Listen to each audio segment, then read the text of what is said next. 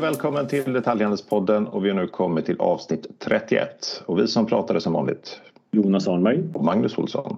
Och idag har vi en supergäst i eh, Erik Lundberg som är hyfsat ny VD på Apotek Hjärtat.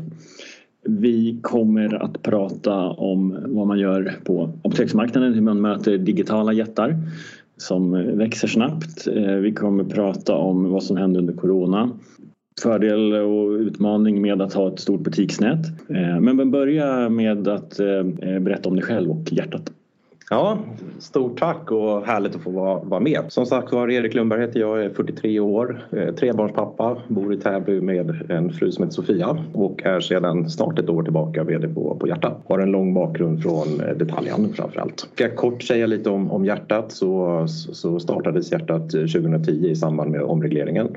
Man började då med ett kluster på ungefär 200 apotek och har sedan dess haft en, en kraftfull tillväxt i, i branschen och i, idag så är vi marknadsledare marknadsledare. Vi har drygt 400 apotek. Vi har 4 000 medarbetare och en omsättning på 15,5 miljarder. Vad betyder marknadsledare? Är ni störst? Ja, vi är störst på marknaden. Det är otroligt. Ni är större än apoteket? Vi är större än apoteket. Det är bra jobbat. Vad, vad, vad är det som har gjort att Apotek Hjärtat kan ha liksom slagit originalet? Det är som Colas kamp mot, mot Pepsi. Ja, precis. Ja, det är väl en en, en spännande liknelse. Nej, men jag tror att i grund och botten så, så är det ju såklart i många delar som, som spelar in. Det är, det är ett, eh, ett fantastiskt bolag med, med eh, medarbetare som, som verkligen brinner för att hjälpa kunderna med ett liv i hälsa och till ett välmående. Det vill säga alla medarbetare jobbar utifrån ett större syfte. Eh, det tillsammans såklart med vårt nära samarbete med ICA där vi får tillgång till, till kundflöden i attraktiva lägen eh, i några av de delarna. Nu får man fråga på en gång, vi kommer ju prata massa om nätet och så, men hur stor är fördelningen mellan e-handel och nät? Eller butik och nät? Ja, det, här är ju såklart en, en, fråga som både analytiker och detaljhandelsexperter är väldigt, väldigt intresserade av. Okay. Eh, och, Säg inte bara till oss Ja, jag ska såklart, ni ska få, få detaljerna såklart. Men, men, men i grund och botten så handlar det för mig är det är handel och det handlar om att möta kunder där kunden vill vara. Det, det är det för mig det, det viktigaste och essensen i, i all handel. Men tittar vi på kanalen och fördelningen som sådant så, så utgör e-handeln idag ungefär 10% av vår totala omsättning. Och då, då, kan man konstatera att lägena tillsammans med ICA är väldigt bra. Är alla hjärtat butiker i en ICA? Nej, av våra drygt eh, 400 apotek skulle jag säga att eh, man kan nog säga att mer än hälften är i, i ICA-lägen. Antingen i direkt anslutning som på de flesta ICA Maxi eh, där vi ligger innanför liksom samma grindar. Eh, men vi har också många, många etableringar där vi, där vi ligger som goda grannar. Mm. I, I mindre städer och mindre format också. Och det är klart att det här skapar ju en enorm tillgänglighet utifrån ett kundperspektiv. Inte bara utifrån att vi har en närvaro där, människor rör sig i vardagen och i, sin handel flera dagar i veckan utan också med, med hjälp av våra liksom, långa öppettider. Om du tar ett ICA Maxi som ett eh, exempel där vi ibland har öppet till 23. Eh, vanligtvis så kanske vi har öppet måndag till söndag till 21.00, 22.00 på vissa ställen. Och det är klart att den familjefadern eh, eller modern som, som har en liten dotter som skulle få, eh, råka få öroninflammation och besöker en, en, en, en vårdgivare 20.00 på, på en söndagkväll och, och i samma veva kan svänga förbi vårt hjärtat och, och få sin antibiotikakur och, och påbörja sin läkemedelsbehandling. Det är klart att det, det bygger en enorm kundlojalitet och ett starkt erbjudande. Det är svårt att slå för Apotea och ja. eh, liksom Budbee och gänget. Ja, så, att, eh, så det är klart att det finns en enorm styrka i, i, i vårt nära samarbete. Det, vi kommer in på massa mer om det här men vi måste nästan börja med Rysslands krig i Ukraina eftersom det är svårt att tänka på någonting annat egentligen. Ja. Vad eh, ser, ser ni några effekt, effekter på liksom affären, kundbeteende? för det första vill man ju bara nämna att man är, det är bedrövligt och bestörtande det man ser och som trebarnsfar och, och skådar de nyheter och de reportage man, man ser där familjer splittras och uh, människor uh, lider fruktansvärt och, uh, och blir offer i, i det här meningslösa kriget så, så klart att det är bestörtande. Och eh, inom ICA-gruppen så har vi också supporterat via vårt samarbete med Röda Korset där vi har skänkt 10 miljoner kronor tillsammans inom alla bolag inom ICA-gruppen. Eh, och vi gör också insamlingar på, på, på våra lokala apotek där både våra medarbetare men framförallt våra kunder kan, kan stötta. Eh, Röda Korset. Så det, det känns ju å andra sidan bra att vi, vi har den möjligheten att kunna göra det. Tittar vi här och nu så, uh, så, så, ser vi inga uh, stora uh, vad ska jag säga, skillnader i vår försäljning. det har varit en enstaka efterfrågan på, på enstaka produkter men där vi tillsammans med, med myndigheter och tillsammans med övriga apoteksaktörer uppmanar till, till ett lugn i samhället. Det finns och, och vad är det för produkter? Ja, det har varit en del eh, jodtabletter eh, som har varit en efterfrågan på men eh, vattenreningsprodukter och läkemedel i, stort. Då. Och det är klart att vi förstår att är man kroniker och äter löpande läkemedel och är beroende av sitt läkemedel för, för att må bra och fungera i vardagen. Det är klart att det finns en oro om man då känner att kommer den här tillgången kunna finnas. Men, eh, men det är vi säkra på att så är fallet just nu i alla fall. Mm, kommer ni, förbereder ni också för liksom ett liksom jag menar inte att kriget kommer till Sverige men, på en sån situation. Alltså, jag inbillar mig att sådana tankar ändå börjar komma. Hur förbereder vi oss på om det värsta skulle hända? Ja men det, det finns ju en, vad ska jag säga, en ständig dialog med, med myndigheter givet att vi är en samhällskritisk eh, eh, instans och aktör. För den, för den relationen hade väl staten till apoteket förut så att säga, ja. när, man, när det bara fanns ett. Har, har, man det fortfarande bara med apoteket eller har man det med alla? Det, det pågår ju idag en, en utredning också eh, gällande just beredskapsutredningen hur det här ska hanteras på, på, på det bästa sättet och, och den utredningen är ju inte, inte klar till dags datum då. Men, men det är klart att det finns ett, ett nära samarbete. Vi har Apoteksföreningen där alla apoteksaktörer är med som gör ett fantastiskt jobb med att koordinera insatser eh, i vardagen här för att eh, säkerställa. Erik, det har ju funnits eh, utmaningar under, under eh, året här nu med varuflöde i stort. Har ni eh, upplevt någonting sånt inom apoteksbranschen? Nej, väldigt, väldigt, väldigt begränsat eh, ska jag säga. Det är, det är klart att eh, under pandemin så har ju pandemin varit liksom i olika faser får man säga för, för apoteksbranschen i stort. I, om ni minns tillbaka när pandemin eh, bröt ut så, så var det ju en period där, där där, konsumenterna bunkrade. Det är egentligen precis två år sedan. Ja, exakt. Lovet, då ja. kom man hem och började bunkra. Precis. Eh, den delen la sig ganska snabbt ska jag ändå säga men det var det klart att det liksom var en period där, där eh, efterfrågan på produkterna steg väldigt, väldigt kraftigt. Framförallt var det kopplat till handsprit, munskydd och, och den typen av produkter för att kunna skydda sig helt enkelt mot, mot smittspridningen. Eh, där var vi som aktör och som bransch väldigt, väldigt snabba på att eh, sourca de här produkterna och förse marknaden med de här produkterna. Eh, samtidigt såklart man behövde balansera det här för att det var också viktigt att verkligen sjukvården och, och eh, fick produkterna, det vill säga så att rätt, eh, rätt instanser fick ta del av de här produkterna. Och sen så under pandemin så har det utvecklats. Vi gick in i en lite tuffare period i och med att vi var duktiga på att hålla avstånd. I och med att vi inte interagerar med varandra på, på samma sätt. Vi jobbar hemifrån till, till stor del och så vidare så var ju svenska folket mycket mer friska än vad man är i, i normala fall då, för undantag för, för covid. Och det är klart att det påverkade vår bransch negativt under en stor del. Samtidigt så kanske de fysiska platserna inte var platserna man ville besöka heller utan då ledde det till en, en ganska kraftfull ökning i, i de digitala kanalerna mm. som, som i stort sett dubblades under bara några eh, korta veckor. Eh, och, och, det har ju såklart satt liksom en press på, på systemen att eh, utveckla och klara av den här kapacitetsökningen som, som kom egentligen över en natt bara. Sen i takt med att eh, restriktionerna lättade eh, när vi kom in längre in i pandemin och vaccinationerna inte minst kom igång så, så såg vi en ganska kraftfull tillbakagång till, till de fysiska platserna och våra fysiska apotek och att de spelar en väldigt viktig roll i konsumentens vardag. Att, att kunna få det här personliga mötet och den personliga rådgivningen inte minst. Och sen nu om man tittar på slutet då när, när efterfrågan på självtester sköt i höjden så, uh, så gick ju det från också återigen över en natt i stort sett. Men, men vi har kunnat hantera det här på ett väldigt, väldigt bra sätt och jag måste säga jag är otroligt imponerad över, över hjärtat som organisation som har kunnat hantera de här svängningarna så, så pass snabbt som man har gjort trots att man är det eh, gigantiska företag som man faktiskt är.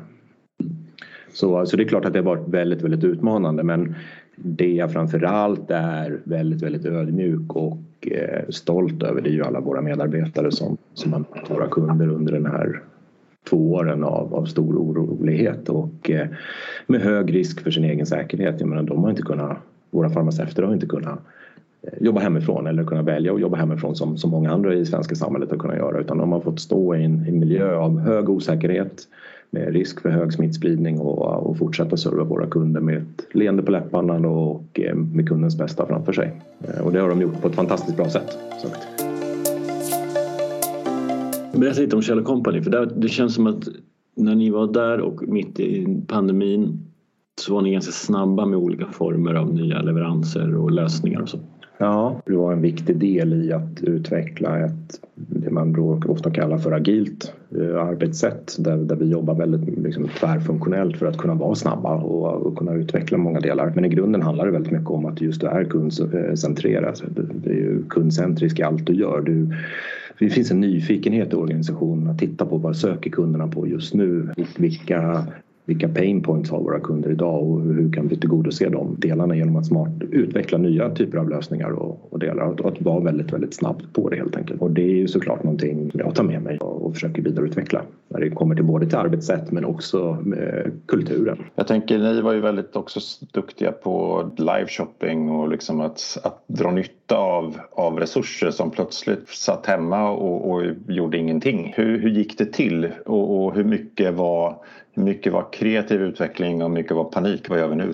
Panik är väl eh, hårt att säga för jag hade förmånen att vara på ett bolag som, som växte väldigt kraftigt och, och gick väldigt, väldigt bra. Men det är klart att det var också en anledning till att vi, vi, vi var snabbfotade helt enkelt. Men det är klart att vi eh, gjorde våra scenarioanalyser som, som jag tror alla bolag gör när man går in i en, i en krissituation och tittar på ah, hur kan det här påverka oss? Och vi tittade ju eh, såklart på många Eh, marknader utanför oss eh, för att se liksom vad händer vid en eventuell lockdown som var det som var då föreliggande. Och, och givet att man då har en ganska stor andel av sin försäljning i den fysiska miljön, om den inte är blir tillgänglig för dina kunder, hur behöver du då utveckla ditt erbjudande för att kunna säkerställa och leverera till, till, till dina kunder på ett bra sätt. Så det var egentligen en kreativ diskussion utifrån från de förutsättningarna som, som skapade de här möjligheterna tillsammans med att vi i vår strategiska plan hade många av de här initiativen eh, sedan tidigare då identifierat dem därför att vi såg att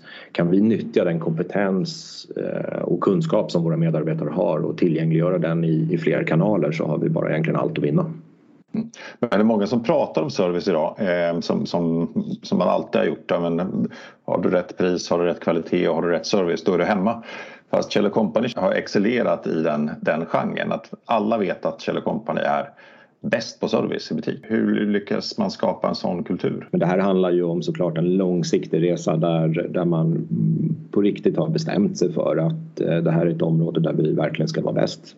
För mig hänger det tillbaka till hela vägen till DNA egentligen. Vem du är och vilken position du vill ta på marknaden och vilken roll du vill spela i dina kunders vardag. Och vad det, liksom, det större utifrån ett större syfte och, och och på Kjell handlar det väldigt mycket om att möjliggöra för våra kunder att förstå teknik eh, och, och med hjälp av den kunskap som, som medarbetarna hade och, och, och bolaget i stort att, att skapa den tillgängligheten helt enkelt.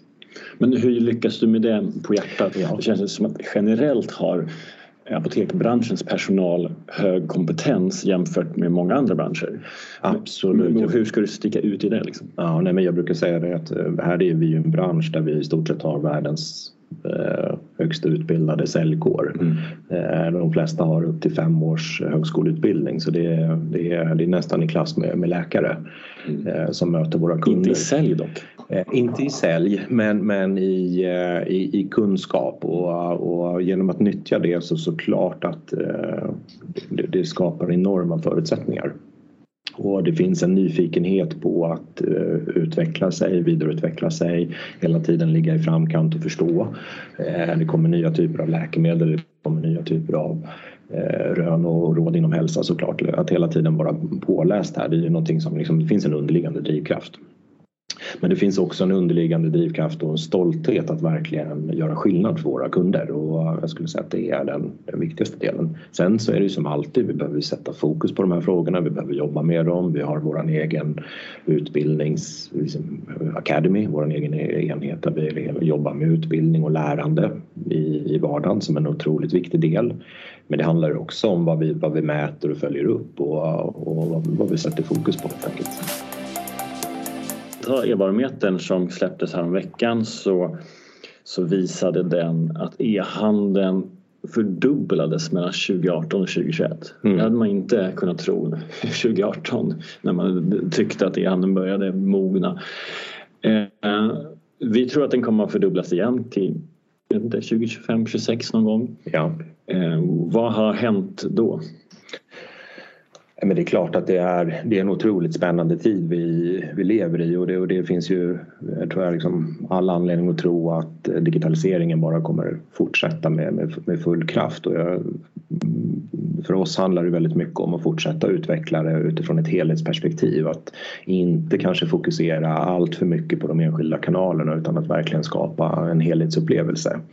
Eh, och det, och det är ju det vi verkligen har möjligheten att göra och utgå verkligen från kundens behov. Och, och bara för att ge två exempel där, där kanalerna ändå kan vara, eh, spela olika roller såklart liksom, och i olika fall passa vid olika tillfällen. Men ta den eh, personen som kanske har blivit diagnostiserad med en, eh, ganska allvarlig sjukdom och ska påbörja sin läkemedelsbehandling för första gången. Det är klart att där kanske det finns ett enormt behov av att få, få träffa en farmaceut, få eh, ett personligt möte, en rådgivning om biverkningar, hur man på bästa sätt ska, ska genomföra sin läkemedelsbehandling för att få ett så lyckat resultat som möjligt. Och då spelar ju våra medarbetare med den kunskapen in Eh, vi har fördelen att ha medarbetare från, från i stort sett världens alla hörn som till och med kan ge rådgivning på det språket man eventuellt kommer ifrån. Då. Så, så det skapar en enorm fördel och ett stort värde att kunna, kunna ha det mötet.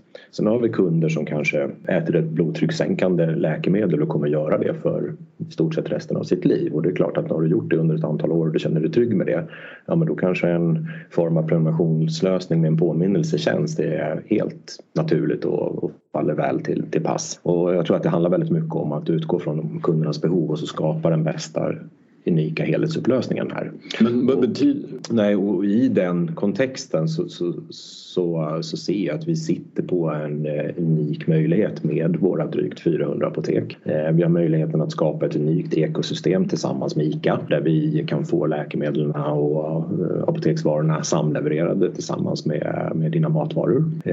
Vi har möjligheten att vara på de här attraktiva platserna där vi möter kunderna. Det innebär att idag så kan du lägga en beställning online. Du kan hämta ut dem in under två timmar på ett fysiskt apotek i närheten när du ändå kanske är på väg eller har vägarna förbi. Eller du kan få det hemlevererat lokalt genom att vi plockar och packar din order även på våra lokala apotek.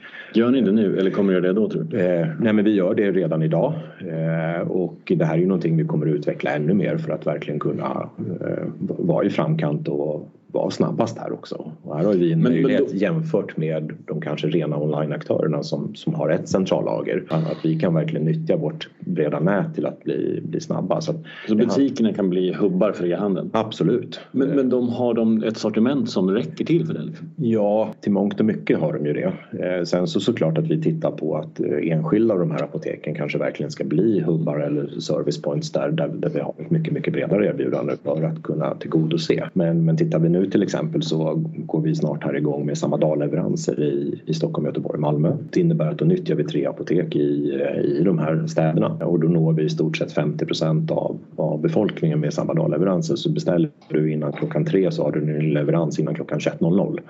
Eh, och det är ju såklart väldigt, väldigt attraktivt. Du och e-handelsapoteken, de har haft lite fri... Eh, de har bara kunnat köra på för att apoteken som kommer från med, med fysiska butiker som har varit någon form av börda nästan, liksom inte riktigt varit med. Men nu när man börjar hitta vägen fram i, i mixen så kommer ni börja växa igen. Ja, jag skulle vilja säga så här att om man tittar, det är klart att vi har en lägre e-handelsandel på, på den totala marknaden eh, än den totala marknaden. Men det ska jag säga till, till följd av att vi då har en väldigt, väldigt stark närvaro i den fysiska miljön och står oss väldigt, väldigt starka där. Men vi växer snabbare än marknaden i, i även i digitala kanaler. Så att idag så, så tar vi marknadsandelar både i, i fysiska den fysiska kanalen men såklart också i, i e-handelskanalen. Då växer ni? Så det är någon annan som tappar e-handelsandelar? Yes. Vem är det? Eh, ja, det, det får datan visa. Det är... Intressant alltså.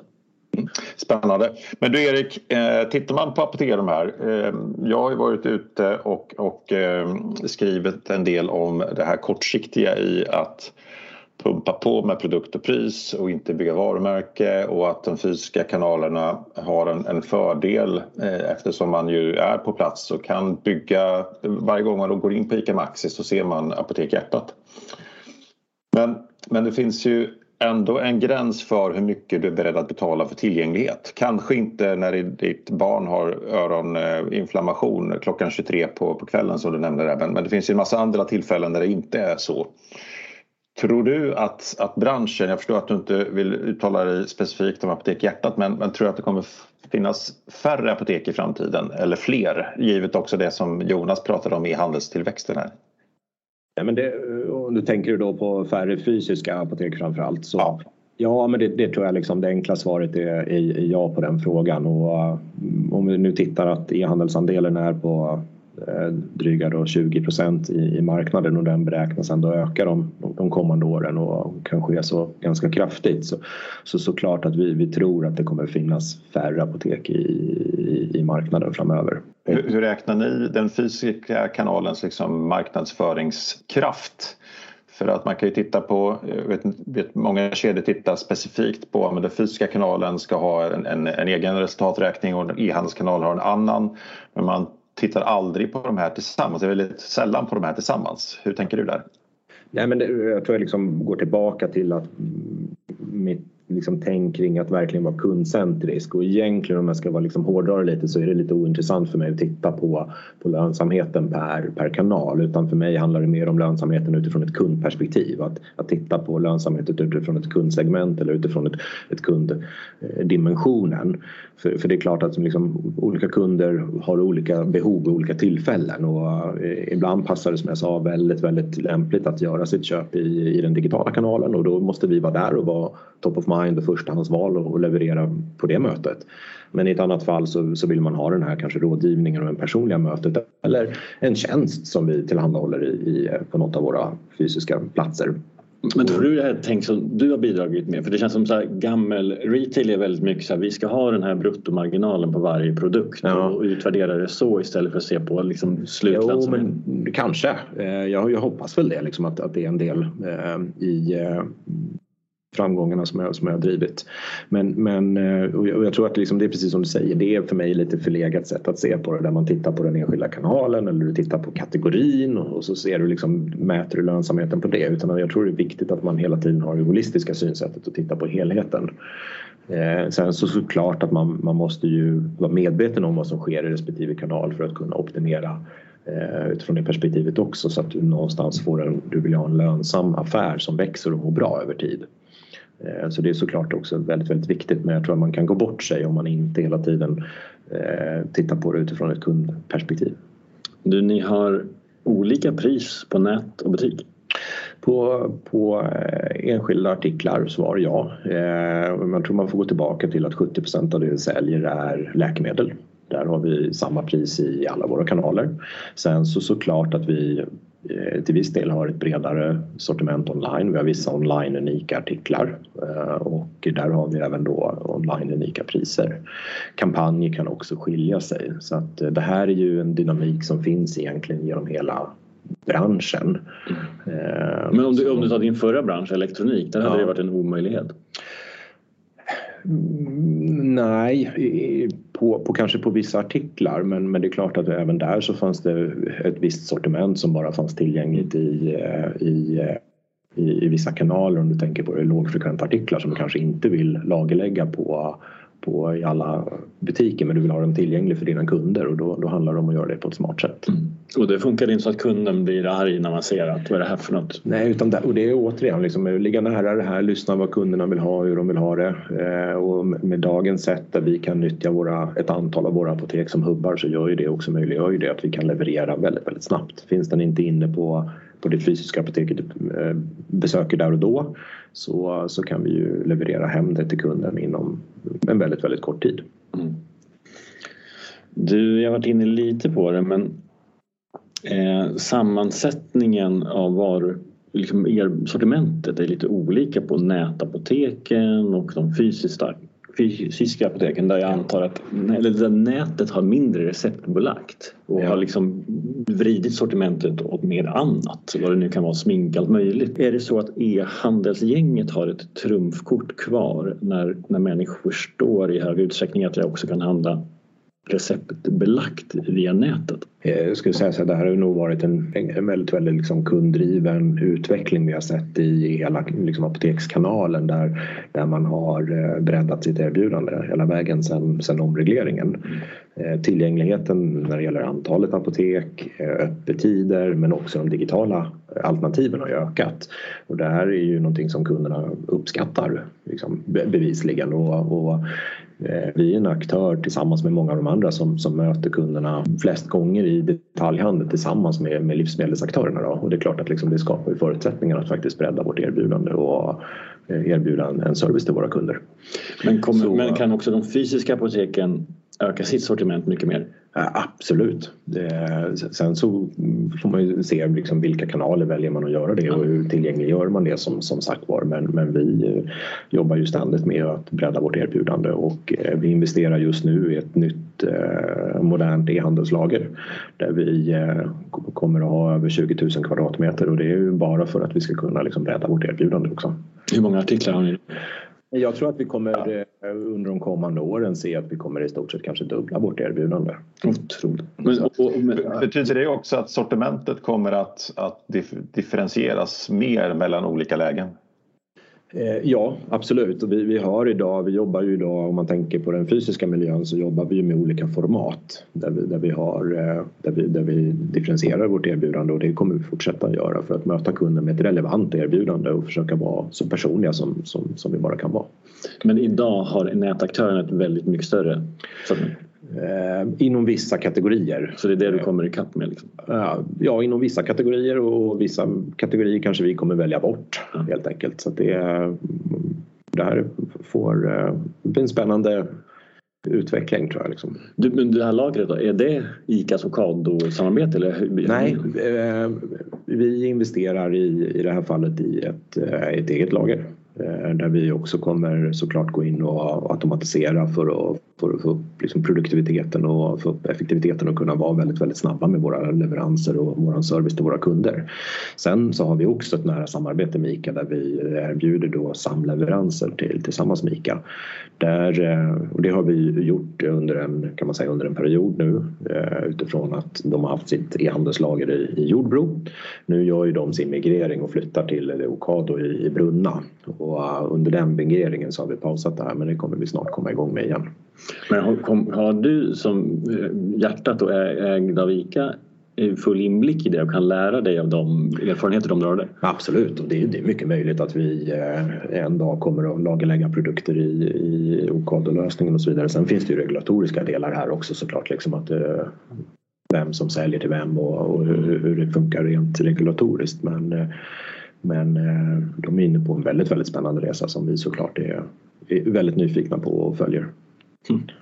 Och det, är ju, som sagt det här är ju återigen en, liksom en unik del som vi har i marknaden där vi, där vi kan etablera och bygga vårt egna ekosystem. Där vi, vi har idag en, en, en, ledande bank skulle jag säga. Vi har ett försäkringsbolag, vi har, vi har ICA, Sveriges absolut i särklass största livsmedelsaktör och vi har den marknadsledande apoteksaktören. Så det är klart att här har vi en möjlighet och förmåga att bygga ett unikt kunderbjudande som, eh, som verkligen gör att vi skapar en unik upplevelse för våra kunder. Tjänstebenen till det, har ni det? Alltså, liksom, ni har ni något samarbete med någon sån Ja, vi, vi är ju idag delägare i Min doktor eh, Eh, som, som då också har ett antal kliniker på, eh, på utvalda ställen. Och det är ju såklart någonting vi tittar på framåt också. Kan vi etablera fler kliniker? För det skapar ju återigen en, en det, det stärker handelsplatsen eh, där du har ett ICA Maxi, du har Min doktor, du har ett hjärta som, som, som, skapar en väldigt, väldigt stark attraktionskraft. Men det skapar ju också en,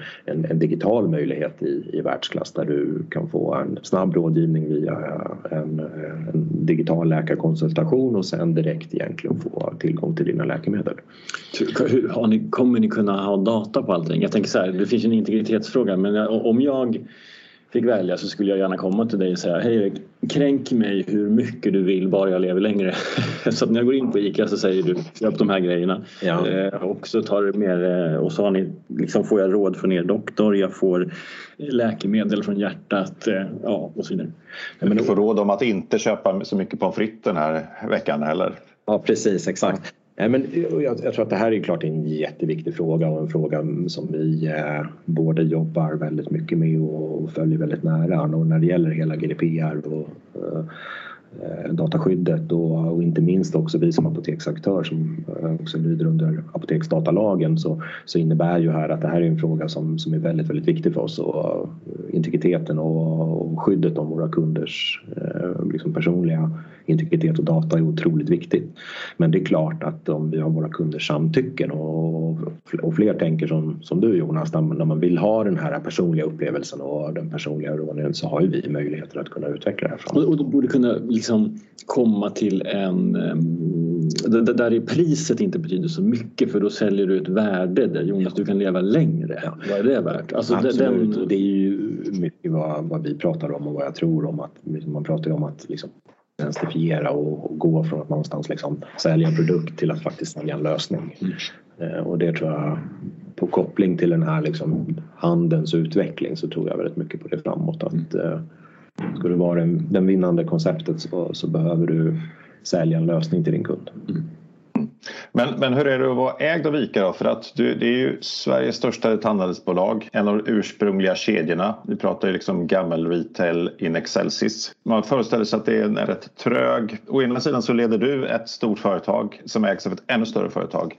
Hade det inte varit, liksom varit skönt att vara lite, lite frifräsare eh, som, som Apotea kan vara? Nej, jag skulle säga att jag är otroligt lyckligt lottad som, som har en aktör som ICA som ägare. Och jag skulle absolut inte uttrycka mig som någon gammal retail även om säkert kan låta så men jag skulle säga att ICA ligger väldigt, väldigt långt fram när det kommer till digitaliseringen. Sen kan man se på den på olika sätt och tittar man i procent av försäljning till exempel, ja då kanske man kan tycka att eh, det är en marknad som inte har kommit så långt ännu även om utvecklingen där också har varit väldigt, väldigt stor. Men man får inte glömma att ICA Sveriges e-handel, om inte jag minns fel, omsätter över 6 miljarder kronor.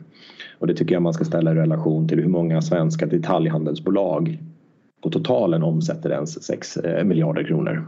Det, det, är nog, vi har förmågor inom bolaget. Jag tror vi har över närmare 30 data scientists i, i bolaget som supporterar alla Opcos, alla bolagen i, i gruppen. Vi är ledande när det gäller att utveckla automation, det vill säga vi tar ut kost ur, ur bolagen för att kunna investera. Eh, ICA gör en jättesatsning med sin Ocado-lösning där man får en plattform både från ett kundperspektiv som ligger i framkant men också en, en logistiklösning som är, som är världsledande. Så, eh, och, och tittar jag på liksom gruppen i stort och de kompetenser som finns och de, eh, de medarbetare vi har och kollegor så, så skulle jag säga att vi ligger långt, långt i framkant och vi har ett ett, eh, digitaliseringen ligger ju såklart väldigt, väldigt högt upp på, på vår agenda och att jobba till att verkligen bli datadrivna inom, inom hela gruppen eh, och där vi jobbar på tvärsen av bolagen, delar erfarenheter och kunskap och eh, eh inte minst kompetenser. Eh, så när det gäller till att ha verktyg baserat på AI för att optimera sortiment eller lager eller eh, personliga erbjudanden eller eh, vi, oavsett egentligen vilket område vi tittar på så skulle jag nog säga att vi är framför ledande. Liksom. Det... Du, ICA är väl bra på en del annat också, till exempel egna märkesvaror. Mm. Kan ni lära er något av det? Absolut. Får, får, det kanske inte du får svara på, men hur stor andel av ert sortiment idag är egna? Beroende lite på vilka kategorier man tittar på så, så skiljer det sig, men, men eh, upp mot 20 procent skulle jag säga. Eh, Ska du ha upp, vilja upp det? Eller?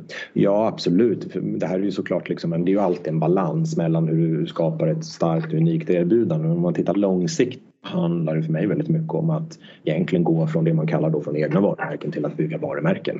Mm. Jag tror att det här är jätteviktigt för oss för att bygga en lojalitet och unikitet i marknaden och här har vi en, en enorm styrka med det återigen ekosystemet vi har och det samarbetet med, med ICA vi har. Vi har idag på hjärta kan man säga tre varumärken det är, eh, som är rena hjärtat Eh, som, som vi framförallt då säljer i, i våra egna kanaler. Sen har vi ICA-hjärtat eh, där vi också då tillsammans säljer i, i landets alla ICA-butiker. Eh, och sen så har vi det som är då vårt mera kopplat mot skönhet som heter Apolosophy. Eh, så att vi har idag tre starka ben att stå på men det här är ju någonting vi ser att vi kan utveckla ännu mer och satsa ännu mer på och det är ett område vi investerar i resurser. Erik, vi har sett en del affärer inom apoteksvärlden. Är uppenbart, även om det som vi hör att det går väldigt bra för hjärtat så är det uppenbart att det är en bransch i väldig omställning. Fram tills bara något år sedan så var det ju den enda bransch som fortfarande byggde fysiska butiker. Mm. Eh, men nu har en väldigt stor e-handelsandel. Så eh, och det är stora eh, globala företag. Det vi ser, är det ett... Beskriva det vi ser. Jag tror att det egentligen är ett helt naturligt eh, skede och frågar du mig personligen så kanske jag hade tippat på att det här skulle ske, ha skett lite tidigare egentligen. Men att det blir en, en form av konsolidering i, i marknaden tycker jag är liksom helt naturligt.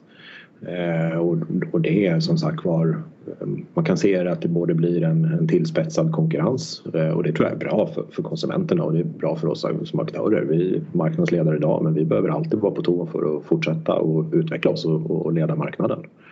Så, men jag skulle säga att det är högst naturligt att, att det här sker. Ett antal mindre aktörer som eh, går samman och får, eh, får, får en lite större kraft helt enkelt. Vad hur många kommer finnas kvar? Om man lyssnar på, nu vet jag, glömt vad han heter, Björn på Meds, han är ju hård och säger att det är staten och kapitalet och vi och med staten menar han apoteket och eh, kapitalet menar han er. Ja. Och sen har du aktörerna. Ja, nej, men vi, vi, får väl se. Liksom det, återigen, eh, det får, det får framtiden utvisa och uh, mitt fokus är att utveckla hjärtat och uh, jag tittar i ärlighetens namn inte faktiskt så mycket på, på våra konkurrenter och inte för att låta självsäker på något sätt utan jag tror att som marknadsledare och i en marknad som är i en väldigt, väldigt stor förändring så är det farligt att direkt faktiskt liksom titta på eh, mycket inåt rent ut sagt. Utan jag tror det är väldigt, väldigt viktigt att försöka lyfta blicken och, och ha en ambition som är bortom och, och inspirera snarare kanske av andra branscher. Vilka tittar du på då? Eh, men det är klart att liksom historiskt sett så, så har jag tittat mycket på, eh, på, på branscher från, eh, från Asien och de ligger långt fram i digitalisering och de som har kommit långt när det gäller nya fenomen som liveshopping och så vidare. Eh, du Erik, i andra länder som till exempel USA så har ju ehm, marknaden utvecklats mot tjänster och tittar man på USA specifikt så har ju Walmart satsat stort på sina health clinics ehm, där man både kan få hjälp att kolla ögon och man kan få hjälp med tandvård och man kan få hjälp med enklare, enklare checkups. Ehm, är det någonting som du tror kommer utvecklas även i, i Sverige, det vill säga en ökad grad av tjänstifiering? Ja, nej, men det här, det här är ett, tycker jag, ett jättespännande område och eh, eh Tittar man historiskt sett så, så, har ju vi som, som aktör även här jobbat med, med de här frågorna och allt ifrån att kunna, kunna göra blodtrycksmätning, eh, kolla ditt glukosvärde eh, och, och, det som är på gång just nu också är ju att vi tillsammans med TLV som, som bransch tittar på att införa farmaceutiska tjänster. Vad betyder TLV? Eh, Tandvårds och läkemedelsverket.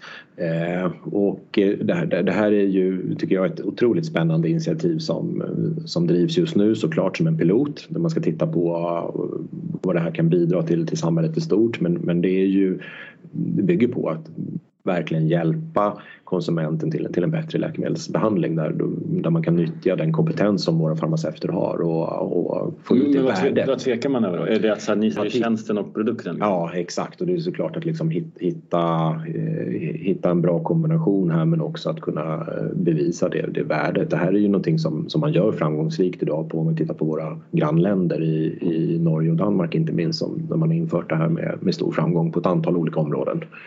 Eh, läkemedelsstart till exempel. När du ska påbörja en ny läkemedelsbehandling så får du en, en, en genomgång eh, eh, av din farmaceut. Eh, inhalationsvägledning, de som jobbar med inhalatorer helt enkelt liksom, i, i, sin behandling för att kunna göra den på ett effektivt sätt så att du verkligen får den fulla effekten av din, din läkemedelsbehandling. Eh, så det här är många spännande områden där Eh, Eh, där, där, vi ser en, en, en, ljus framtid. Sen har vi också vårt samarbete med Min doktor där vi då har etablerat kliniker i, eh, i, på många av våra fysiska platser och det är ju också ett sätt där vi skapar den här typen av samarbeten och, och, och tjänster. Så, så det är någonting vi definitivt ser, ser mer av. Vaccinationer är ett annat område som också är väldigt spännande. Och det betyder ju egentligen att, att du ser framför dig en ny, en ny tillväxtresa eh, bortanför digitaliseringen också? Nej men absolut, vi, det är klart att vi har höga ambitioner. Vi är idag marknadsledare, vi, eh, vi investerar för, för vår fortsatta tillväxt. Eh, det är, i grunden så vill vi verkligen utveckla ett ledande omnikanalserbjudande Eh, Eh, där vi har otroligt många spännande initiativ på gång. Vi, som sagt var, vi har förmånen att, få möta tusentals kunder dagligen i alla våra kanaler eh, och det här ser vi såklart fram emot att utveckla ännu mer helt enkelt. Eh, vi kommer inom kort lansera live shopping där vi, där vi ser att vi kan lyfta våra farmaceuter och dess kunskap och, tillgängliggöra den rådgivningen i liksom digitala kanaler också. Vi eh, utvecklar vårt leveranserbjudande genom att vi verkligen nyttjar våra fysiska apotek och våra fysiska platser till att komma närmare våra kunder. Vi kommer under året här då lansera samma dagleveranser som, som täcker en stor del av populationen. Vi eh, kommer inom kort lansera det vi kallar för quick commerce, det vill säga att vi ska kunna leverera i, i de större städerna inom 15 minuter i stort sett. Eh, Tillsammans med Foodora eller själva? Liksom? Ja, då tittar vi såklart på liksom olika partners här som, som vi kan jobba med för att, för att möjliggöra det här på, på ett säkert och effektivt sätt. Eh, så vi har otroligt många spännande initiativ på gång för att verkligen liksom stärka den här positionen som, som vi har idag och uh, bredda vårt erbjudande, skapa nya typer av tjänster och erbjudanden för att utveckla vårt kära hjärtat in i framtiden. Det blir spännande, om jag får ge en personlig vinkling, spännande att se hur, hur ICAs erbjudande kan utvecklas med det här också. Nu har vi bara pratat om hur, hur Apotek Hjärtat eh, kan dra nytta av ICA men, men även tvärtom. Eh, och hur man, hela, hela förädlingsgraden kan öka med olika typer av tjänster. Eh, för då är man ju inne och tafsar på, på även ett antal andra branscher parallellt med, med att man ska kriga med, med läkemedelsjättarna. Så jag tycker det, det låter som att det kommer att bli spännande år framöver. Vad tror du ICA, vad, vad kommer de lära av, av att äga er? Förhoppningsvis så uh, när det gäller uh, snabbheten Eh, Eh, för där jag tror att vi eh, kanske kan vara något lite snabbare än dem och ibland gå, gå lite eh, kanske vara lite före och testa vissa delar som, som man sen då kan implementera på ICA. Men, men i grund och botten så klart att liksom ICA är fantastiskt framgångsrika och, och stora och duktiga på det, på det de gör så att det mesta del så tror jag det är för oss att vara ödmjuka och lära väldigt mycket av, av ICA. Men, men det är klart att två tillsammans blir, blir väldigt, väldigt starka i det här fallet där vi, vi som ledande apoteksaktör och de som ledande dagligvaruaktör kan skapa ett gemensamt starkt kunderbjudande och genom att utveckla vårt ekosystem. Erik Lundberg, VD på Apotek Hjärtat. Stort tack att du var med i Detaljhandelspodden. Tack själva. Tack Erik. Ja Jonas, vad har du för känsla efter, efter det här samtalet? Kommer Apotek Hjärtat att nå sina mål? Jag är lite tagen av att Erik var så bra och jag inbillar mig att det har att göra med att de också har en bra plan. Eh, jag tycker att apoteksbranschen som sådan står inför enorma utmaningar med e-handelsjättar som växer så det knakar med en helt annan affärsmodell och som älskas av kunderna. Tittar man på den här topplistan som vi brukar komma tillbaka till då och då som e-barometern och Postnord släpper så är ju Apotea överlägsen 1, 2, 3, 4, 5 och sen kommer alla andra i, i, i vad kunden tycker om dem. De är ju snabba, billiga, stort utbud och sådär. Eh, det i kombination med att sitta på ett butiksnät med liksom butiker som man kanske inte eh, riktigt alltid har satt på det läge man vill eh, har ju gjort att branschen är i ett en, en enorm omställning. Eh, men Erik och hjärtat har ju uppenbarligen en rätt vass plan på hur man både tar andelar digitalt och hur man får till butikerna som allt som han var inne på som hubbar för e-handel men också som han väl inte var inne på att de har ett rätt bra butiksnät. Inte bara det att de sitter nära ICA eller, utan också att de har ett, lite större butiker. Och, um, nej, så jag blev tagen av att de har ju, det är uppenbarligen, de är marknadsledande och det kommer ju de fortsätta vara eh, ett tag till. Så känner jag. Mm. Sen är det tufft att göra allt samtidigt. Eh, för i en transformation så vet man ju inte heller exakt vad som funkar. Eh, och man både ska, tittar man bara på hur komplex affären är med recept och, och receptfritt och tjänster och, och det ena med det andra, eh, digitalt och fysiskt. Eh, det samtidigt som man ska bygga vidare på en kultur. För det, det tror jag eh, ändå att, att Erik är eh, jag uppfattar Erik som en väldigt bra lyssnare och ledare Eh, där ju jag tror att han kommer försöka göra en resa som liknar det på Kjell Company. Eh, men i ett bolag som kommer från ett helt annat håll. Det blir spännande för det tycker jag. Sen, sen gillar jag det han sa eh, jag gillar särskilt det han sa om att han inte räknar på varje, varje kanal för sig. Eh, där ju många gått i fällan att konstatera att men, den här butiken inte är lönsam. Eh, och så, så lägger man ner den och så får man istället trycka in marknadsföring för att hålla upp eh, e-handelsomsättningen. Och där, där tror jag att, att det är väldigt sunt att förhålla sig som en kanalagnostiker. Att vi, vi finns där kunden finns, när kunden finns och så uh, låter vi dem bara komma och handla. Men, och ganska svårt. Han har fått med sig styrelsen på att göra den förändringen. och Jag tror att det finns många där ute som har men i stort sett styrelsebeslut på att vi ska ha en viss bruttomarginal på ett visst segment och så vidare och att det Eh, det utmanar man ju när man gör som Erik men det kan ju löna sig på, på sista raden. Och det är det Absolut, men då måste man ju, då måste man ju liksom fundera på om Excel-nissarna har rätt. För att vem som helst kan ju trycka in vilka siffror man vill men har man inte förståelse av vad det är som, hur man driver omsättning online till exempel, hur man kan göra det med butik, ja men då, då kan det ju också ha fattats ett och annat katastrofalt beslut i detaljhandeln historiskt sett de senaste åren. Ja, Ja, nej, men så samlande intrycket då, vad säger du? Närmsta fem åren, kommer de vara marknadsledande om fem år? Det tror jag faktiskt. Ehm, och, och sen är frågan hur många butiker de kommer att ha. Ehm, och där andades ju Erik ändå om att, att man kommer att behöva differentiera butikerna än mer. Eh, och kanske kommer det något, något nytt format, inte vet jag. Eh, men jag gillar också den här glidningen mot, mot tjänster. Den tror jag också är bra för att skapa lojalitet eh, och bygga varumärken. Ja, och jag tror att det finns väl andra butikskedjor i branschen som kommer stänga ett och annat apotek. Och, och, då kan det nog finnas bra utrymme för de som är kvar. Ja, utan att, utan att nämna någon vid namn här så är det inte alla som har varit lönsamma. Och vissa har aldrig varit lönsamma. Vill ni nå oss med en fråga, förslag på gäst, eller om ni vill vara med själva kanske, då mejlar man oss på våra namn at detaljhandelspodden.com. Tack så jättemycket för att ni lyssnade. Hej då! Tack för idag. Hej!